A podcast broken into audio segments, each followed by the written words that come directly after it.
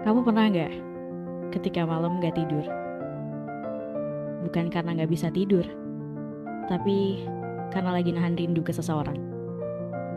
Ada yang rindu karena baru aja ketemu dan setelahnya malah jadi tambah rindu. Ada juga yang rindu karena nggak tahu cara nyampein rindu itu gimana. Terkadang pikiran juga jadi kalut, gak karuan memikirkan orang yang kita rindu, apakah dia rindu balik ke kita atau malah sebaliknya. Overthinking malah jadi membebani, seolah harus ketemu dulu baru bisa tidur.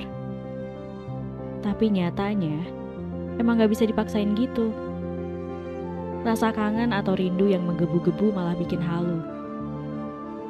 Terbayang saat bahagia dan senang ketika sama dia terbayang perlakuannya ke kita.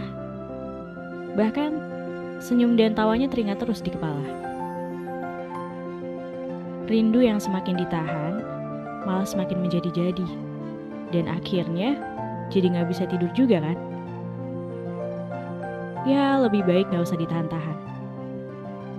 Biarin aja mengalir seperti sewajarnya.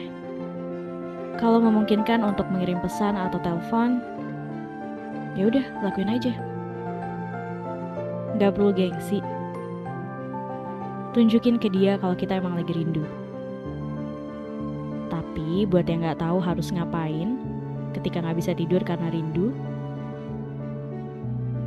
coba deh biasain diri aja. Atau kalau berani, kirimi aja orang yang kamu rindukan itu pesan singkat. Rindu emang terkadang menyiksa hati. Tapi karena ada rindu, nikmatnya pertemuan itu bisa terasa. Tanpa rindu, pertemuan akan terasa biasa aja. Tanpa rindu, pertemuan akan terasa hampa. Dan tanpa rindu, pertemuan sudah bukan menjadi hal yang dinantikan lagi. Semua pertemuan akan terasa hambar, bukan? Jadi jangan mengutuk rindu ya. Rindu hadir karena memang ingin bertemu. Jadi kalau lagi rindu, Mari beranggapan seperti sedang menabung rindu itu. Untuk dilepaskan sekali-sekali saat waktu yang tepat. Jadi sekarang, tidur yuk. Ntar juga ketemu di mimpi. Karena biasanya ketika kita rindu seseorang, orang yang kita rindukan itu akan muncul di mimpi kita.